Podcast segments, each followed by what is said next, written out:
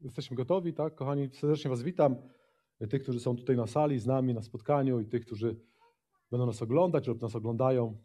Czujcie się pobłogosławieni przez naszego Pana Jezusa Chrystusa. Miałem tą mm, przypowieścią skończyć, ale myślę, że, że ją zacznę. Do pewnego aby przyszedł pewien młody chrześcijanin, pewien gorliwy, gorliwy młody chrześcijanin, pełen gorliwości dla Boga, e, uważający się za pobożnego. I poinformował Abwę o tym, że chce oddać do sądu jednego ze swoich braci. Ponieważ ten brat nieustannie i ciągle w jakiś sposób go atakuje, w jakiś sposób czyha na niego, w jakiś sposób się na nim wyżywa, mści i tak dalej, i tak dalej. Ten młody chrześcijanin kilkakrotnie, kilkukrotnie próbował rozmawiać, nawet w jakiś sposób przepraszał za swoje ewentualne winy, ale nic to nie daje, ten, ten człowiek dalej go prześladuje, dalej, dalej z nim walczy. Kiedy Abba zapytał, czy nie powinieneś raczej darować te wszystkie urazy, czy nie powinieneś raczej puścić w niepamięć to wszystko, co się działo, niż iść na konfrontację, niż się sądzić. On stwierdził, że nie, że to już jest naprawdę ponad jego siły, że miarka się przebrała i że tak naprawdę będzie musiał oddać sprawę do sądu. Abba pogodzony z, tą, z takim stanowiskiem tego młodego człowieka, na koniec stwierdził, dobrze, no to pomódlmy się może na koniec.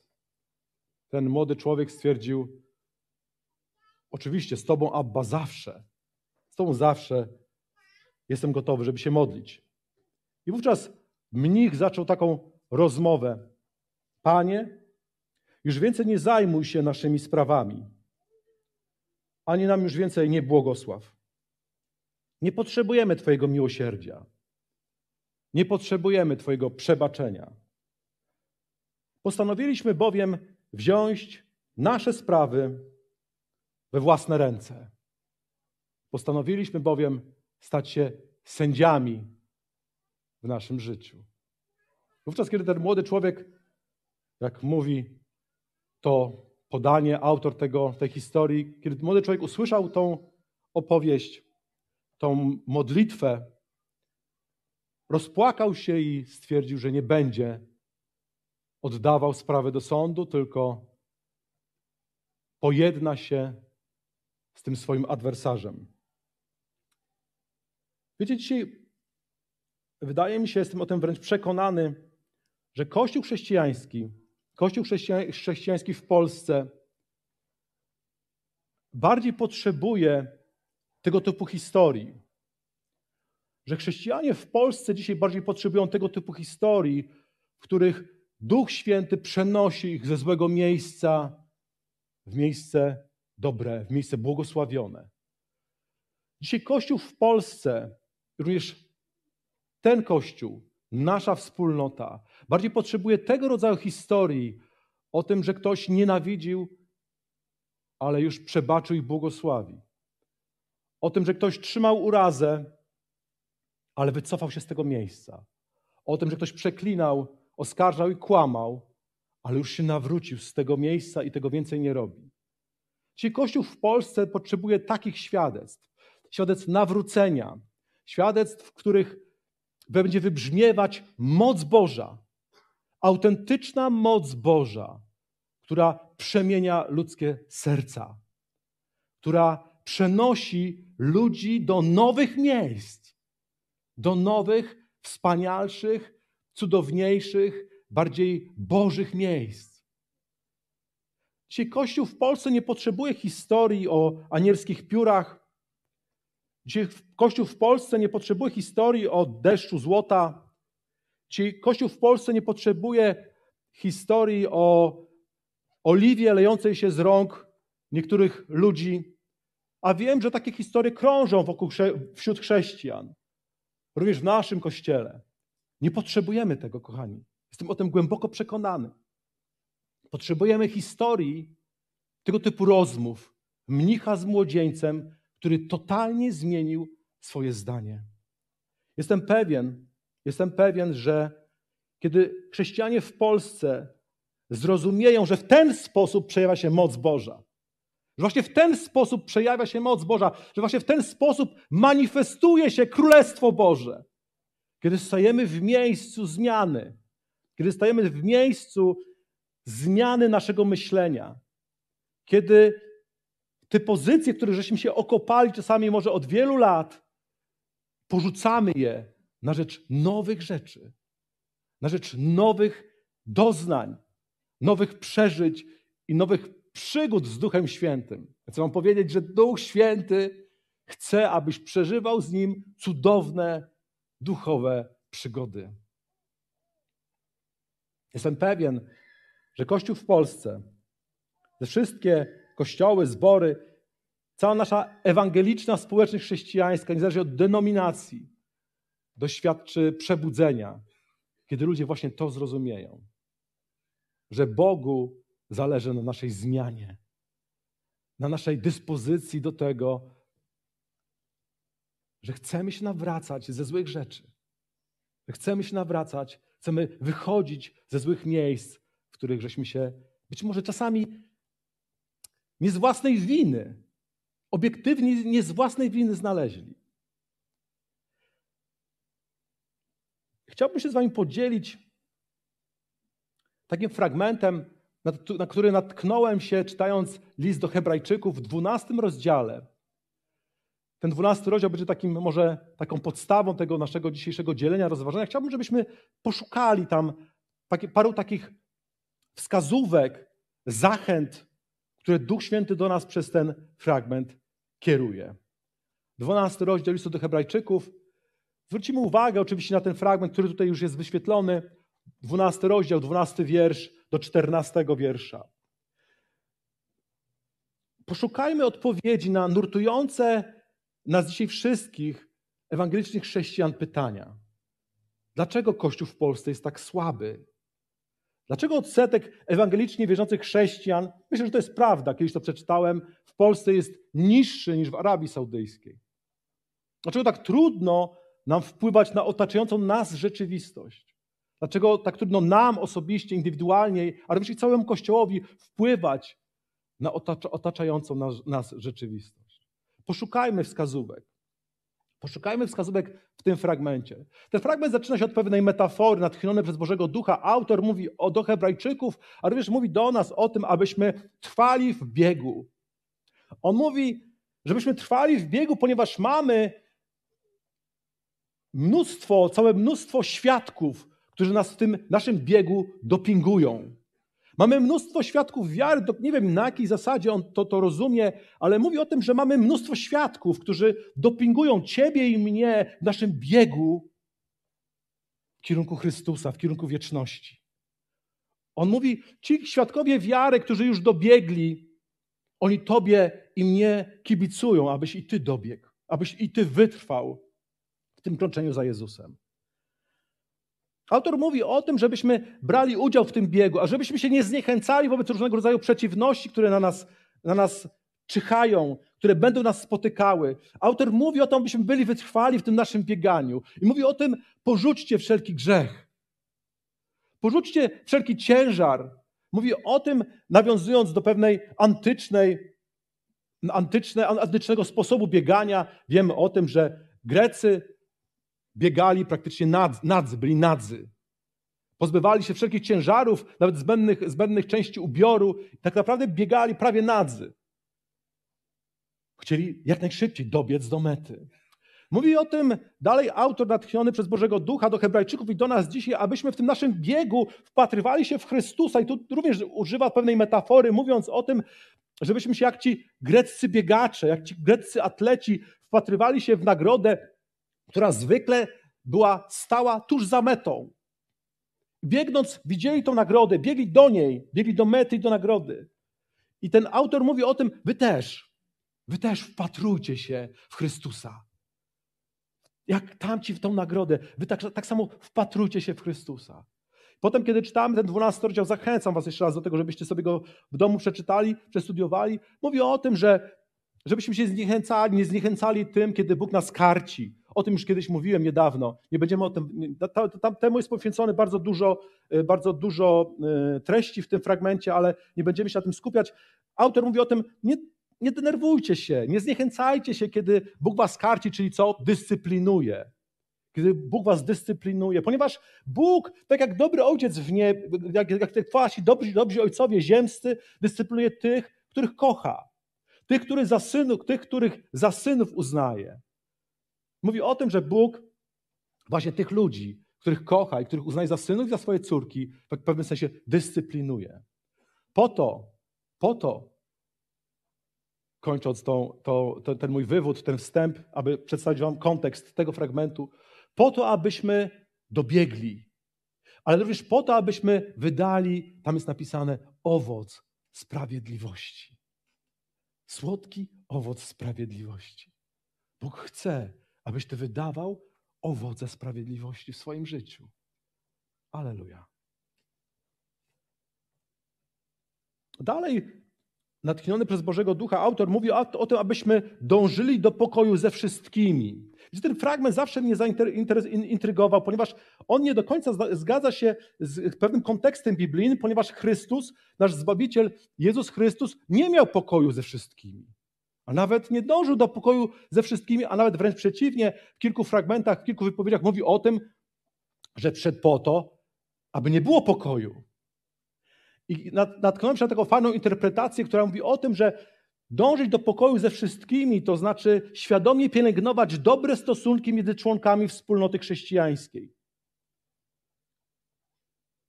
Myślę, że to jest to właściwe rozumienie, że starając się o pokój ze wszystkimi, Oczywiście staram się, jeżeli to jest możliwe, możliwe, być w pokoju ze wszystkimi, ale przede wszystkim świadomie pielęgnuję dobre relacje, jakie mam w kościele. Amen? Amen.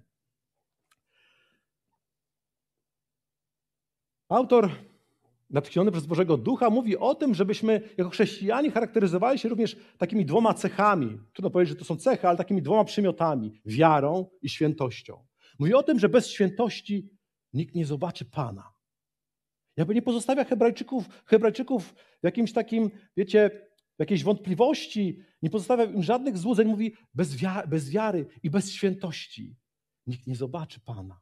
Zachęca do tego, abyśmy biegnąc do Chrystusa nie zapominali o świętości. Bo sama świętość bez wiary jest tylko pewną bezowocną formą pobożności, którą my nazywamy religijnością. A sama wiara bez świętości zdaje się być w pewnym momencie pewnym uznawaniem pewnych prawd biblijnych, ale jakbym był pozbawiony pewnej mocy do ich realizacji w swoim życiu. To jakby siostry bliźniaczki, wiara i świętość. Pielęgnujmy te cechy, wiarę i świętość, abyśmy mogli zobaczyć Pana.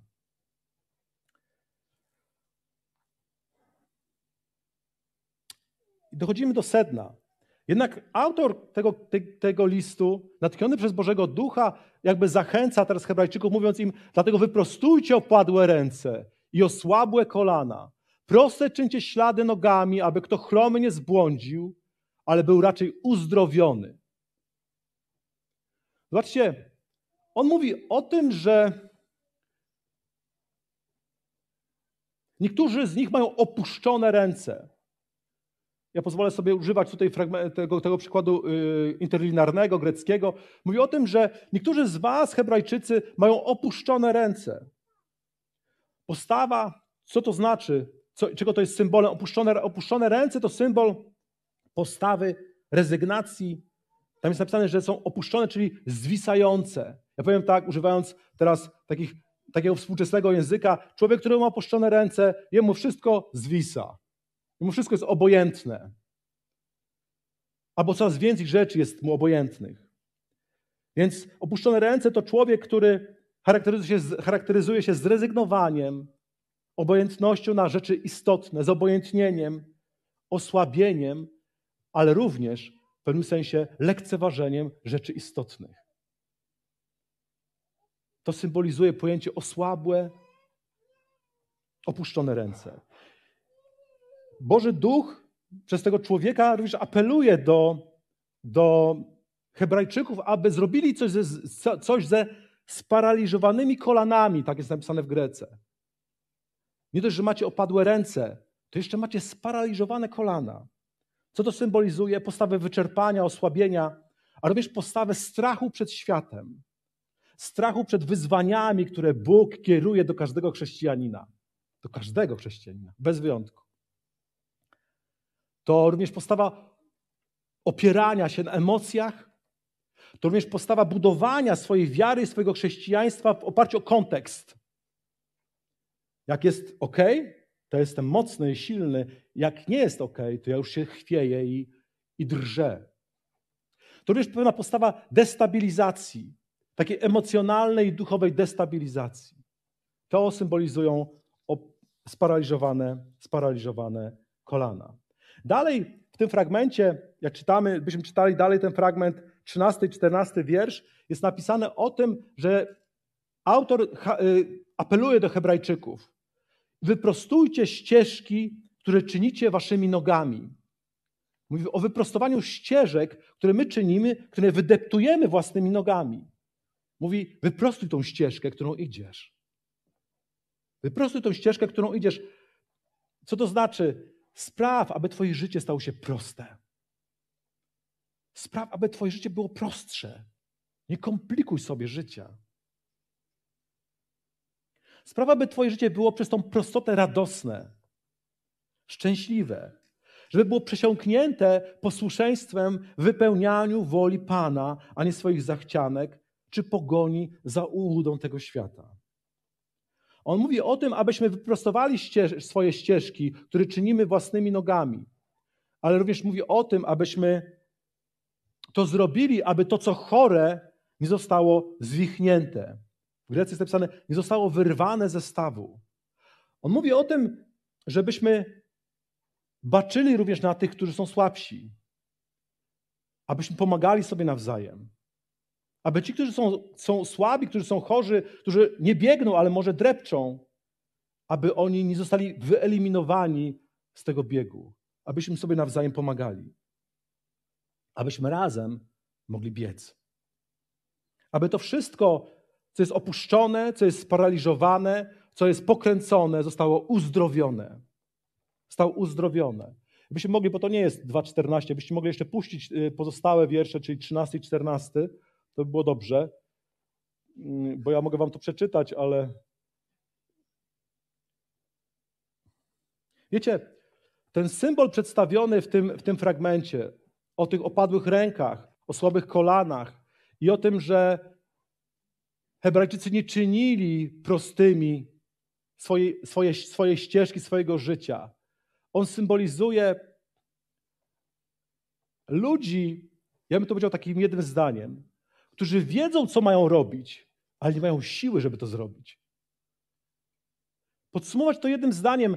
Ktoś, kto ma opadłe ręce, sparaliżowane kolana, ktoś, kto nie idzie prostą drogą prawdy, którą wyznaczył mu Bóg, to człowiek, który dokładnie wie, co ma robić, ale po prostu nie może, nie ma siły, nie potrafi tego zrobić.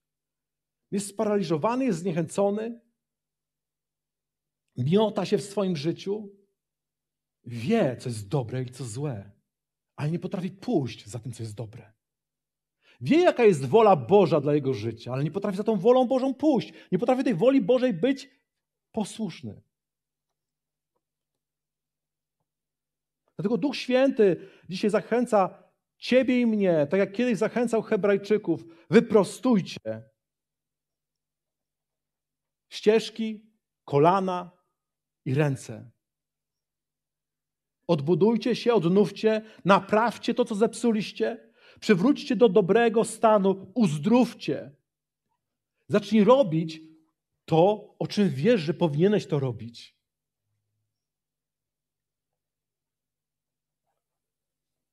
Wyprostuj ręce, wzbudź w sobie duchową zdolność do bycia posłusznym Bożemu Słowu.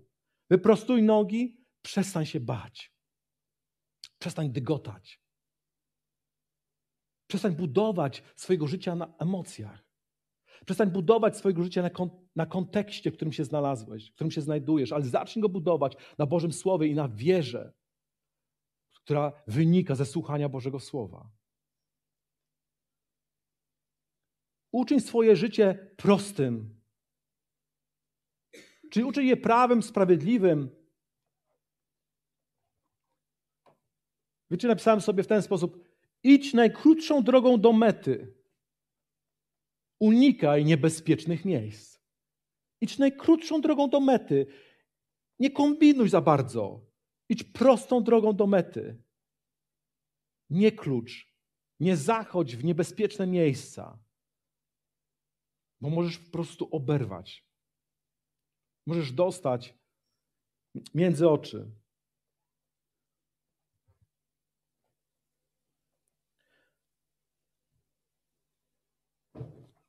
Autor mówi o tym, żebyśmy baczyli na siebie, aby nikt nie pozbawił się łaski Bożej, aby jakiś korzeń gorzki, który rośnie w górę, nie spowodował zamieszania, a przez to nie skalali się inni. Wiecie co, myślę sobie tak, bo tu Roman mówisz, no, mamy to zrobić, ale jak my mamy to zrobić? Jaka jest tak naprawdę przyczyna tego, że mamy opadłe ręce często? Jaka jest przyczyna tego, że nie potrafimy robić tego, do czego powołuje nas Bóg, o czym wiemy, że powinniśmy robić? Ja myślę, że w tym fragmencie, w tych, w tych wierszach jest tu odpowiedź na to pytanie. Powodem tego pewnego stanu, w którym się często znajdujemy, który możemy scharakteryzować opadłymi rękami, sparaliżowanymi kolanami i pokręconymi ścieżkami naszego życia. Powodem tego jest gorzki korzeń. Jest gorzki korzeń, który rośnie w górę. Nie, nie, nie niepokojony przez nikogo. Pozwalasz, aby gorzki korzeń rósł w górę w Twoim życiu.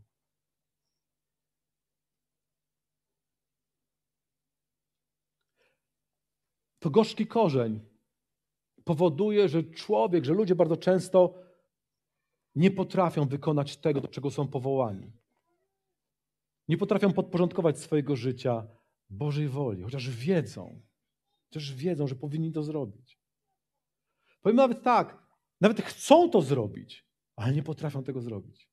Więc czym, co symbolizuje ten gorzki korzeń, który jest tu napisane, że rośnie w górę, powoduje zamieszanie. I co jeszcze? Kala innych. Gorzki korzeń. Zacząłem szukać, wiecie, w Biblii. Egzegeci i badacze pism twierdzą, że tym korzeniem gorzkości może być pewna postawa. Z nią mamy do czynienia w pierwszy raz e, w, w Księdze Powtórzonego Prawa w 29 rozdziale. To jest, to jest taki fragment, to jest taki, taki moment w życiu, w życiu Izraelitów, kiedy oni wychodzą E, z ziemi egipskiej. Po tej 40-letniej wędrówce na stepach Moabu Mojżesz do nich, do nich kieruje pewną mowę. Pewną mowę mówiąc o tym, czego od nich oczekuje Jahwe. I dalej mówi takie słowa, to jest 29, 17, 19. Niech nie będzie między wami żadnego mężczyzna, ani kobieta, ani rodu, ani pokolenia, którego by serce się odwróciło od Pana, Boga waszego, idąc służyć Bogom tych narodów. Niech nie będzie między wami korzenia wydającego truciznę lub piołun. A gdyby ktoś, słysząc słowa tego przekleństwa, pochlebiał sobie w sercu, mówiąc: Będę miał pokój, nawet chodząc w uporze mego serca, w ten sposób sprowadzając zgubę na ziemię, tak nawodnioną, jak i suchą, nie zechce mu Pan przebaczyć, bo już rozpaliły, rozpaliły się gniew i zazdrość Pana przeciwko temu człowiekowi. Spadną na niego wszystkie przekleństwa zapisane w tej księdze i tak dalej, i tak dalej. Mowa jest o tym, o postawie serca. Mojżesz tutaj pokazuje, że takim korzeniem, które wydaje truciznę lub piołun, jest postawa serca, jakbyśmy to mieli dzisiaj prze, przełożyć na język współczesny, nieskorego do nawrócenia. Serca bezczelnego, obłudnego i dwulicowego. Serca, które łudzi się, że akurat w tym przypadku, nawet kiedy będzie oddawało cześć i chwałę obcym Bogom, Bogom, to Jahwe będzie mu błogosławił. Gorzkie, gorzkie korzenie to symbol przewrotności ludzkiego serca. Gorzkie korzenie to symbol uporu i trwania w złym. Gorzki korzeń to symbol takiej pewnej ułudy i myślenia, że mimo wszystko Bóg będzie mi błogosławił, nawet wtedy, kiedy będę trwał w uporze przed Nim. Ale wiecie, trafiłem również na inną interpretację. W jednym z przekładów jest napisane, że gorzkim korzeniem, które czyni człowiek, człowieka sparali, sparaliżowanym do wykonania woli Bożej w jego życiu, jest korzeń urazy. Wiecie, i to mnie chyba w pewnym sensie bardziej przekonuje, że dzisiejszym problemem człowieka, dzisiejszym problemem chrześcijanina oczywiście jest przewrotność serca. Jest przewrotność jego natury. Jest trwanie w uporze. Ale myślę, że dzisiaj o wiele więcej chrześcijan, o wiele więcej ludzi jest zatruwanych przez gorycz urazy. Ludzie nie potrafią sobie poradzić z tą goryczą, z tym piołunem, z tą trucizną, która sączy się z tego korzenia urazy. Urazy często występują w Biblii jako ukrywane, ale również jako pielęgnowane. Co to, co to są urazy? To są pewne pamiętane i pielęgnowane dotknięcia naszego serca przez innych ludzi. Czujemy się dotknięci, czujemy się urażeni, czujemy się nie, często niesprawiedliwie potraktowani, czujemy się pokrzywdzeni. I wtedy, jeżeli, kiedy tak się czujemy, pojawiają się w naszym, naszych, naszym sercu urazy. Urazy powodują, że mamy skłonność do rozpamiętywania krzywd, które zostały nam wyrządzone. Urazy powodują, że stajemy się ludźmi, którzy ciągle są zgorszeni, rozczarowani i oburzeni postawą innych ludzi. Ciągle jesteśmy przewrażliwieni na swoim punkcie. Człowiek urażony właśnie tak się zachowuje. Pojęcie urazy jest blisko znaczne z takimi pojęciami jak wpaść w pułapkę, prowadzić do grzechu, prowadzić do upadku.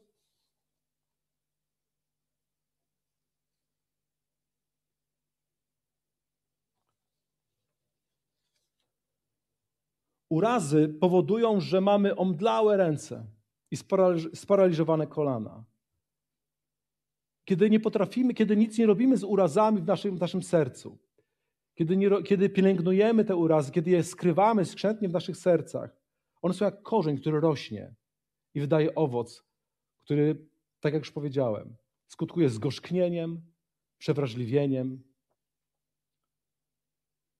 i nieskutecznością. Nie potrafimy biec. Jesteśmy jak ci ludzie, o których tutaj mówi ten, ten, ten, ten fragment, z wywichniętymi stawami, nie potrafimy biec, ponieważ urazy nas paraliżują. To skrywane urazy, to skrywana niechęć czy nienawiść, która często jest motywowana jakąś zazdrością, jakąś zawiścią, nie wiem czym jeszcze, powodują, że nasze serca nikczemnieją przed Bogiem, są, są zatruwane, są systematycznie zatruwane przez, przez właśnie tego typu emocje. Chcę Wam powiedzieć, że chowanie urazy, życie urazą, pielęgnowanie urazy, tego, że byliśmy przez kogoś dotknięci czy skrzywdzeni, ma bardzo destrukcyjny i niszczycielski wpływ na Twoje życie. Na Twoje życie.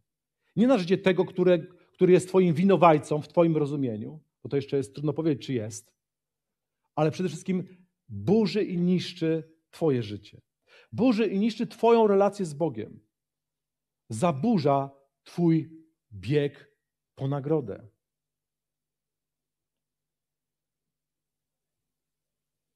Chowanie urazy powoduje, że niczego nie potrafimy wspólnie zbudować. Niczego nie zbudujemy z ludźmi, którzy są urażeni. Niczego nie da się zbudować z ludźmi, którzy są urażeni. A wręcz przeciwnie może dojść do destrukcji i zniszczenia. Pielęgnowana uraza rodzi pychę, pewną protekcjonalną postawę, która charakteryzuje się poczuciem wyższości. Rodzi bunt, rodzi złość, rodzi chęć rywalizacji, popycha ludzi w kierunku chorej, absolutnej niezależności. Wiecie, ja nie widzę niczego złego w byciu niezależnym, ale myślę, że bardzo niebezpieczne jest bycie absolutnie niezależnym. Wielu ludzi dąży, wielu ludzi, urażonych ludzi dąży do absolutnej niezależności, aby nikt i nic nie miał na niego wpływu. Chowanie urazy w końcu stawia ciebie w miejscu człowieka nienawistnego. Jesteś nienawistnikiem. Chcę jeszcze powiedzieć, tego nie będę rozwijał, bo nie ma na to czasu, ale chcę jeszcze jedną rzecz powiedzieć, że wiecie, często jest tak, że źródłem urazy do ludzi jest nasz uraz do Boga. Często nieuświadomiony, często jest taki, jest, często wydaje nam się, że to jest nie, nie tak, że to nieprawda, ale często nam trudno się do tego przyznać, ale bardzo często jest tak, że uraz do Boga, że nie dzieje się tak, jakbyśmy chcieli, że Bóg nie wysłuchuje naszych próśb, że Bóg nie działa tak, jakbyśmy chcieli, żeby działał w naszym życiu. To, że jesteśmy urażeni, rozczarowani, dotknięci Jego działaniem, powoduje, że jesteśmy również w pewnym urazie, jesteśmy urażeni również względem naszych bliźnich, naszych ludzi, naszych ludzi wokół nas. Im dłużej karmimy się urazą, tym dalej nam do, od przebaczenia, a tym samym od Jezusa. Jezus nieustannie zachęca nas do tego, abyśmy przebaczali. Jezus nieustannie zachęca nas do tego, abyśmy w naszym życiu zapominali urazy. Jezus wziął na krzyż każde Twoje urażenie. Jezus zbawił Cię od każdego Twojego urażenia. Jezus obmył Cię od każdej urazy, którą nosisz w sercu. Nie po to, aby się pielęgnował i skrywał, ale po to, abyś się jej wyrzekł, aby się zapomniał, aby się wyrzucił ze swojego serca.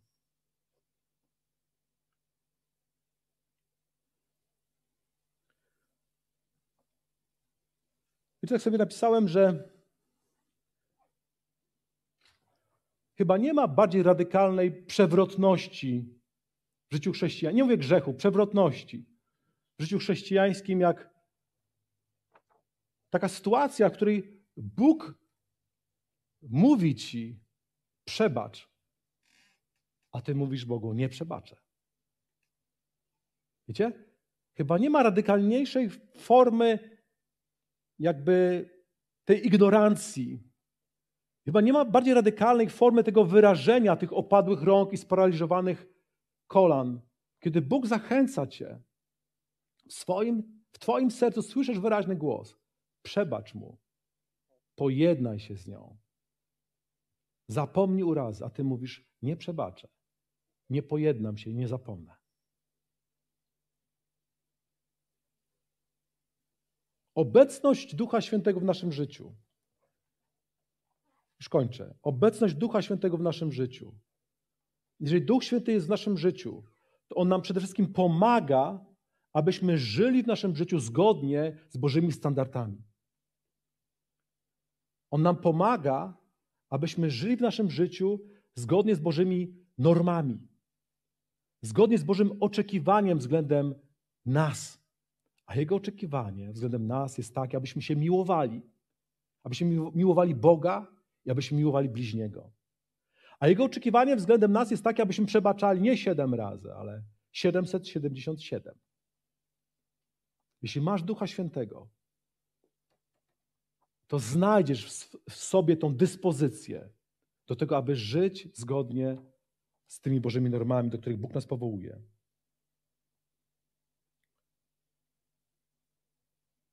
Amen.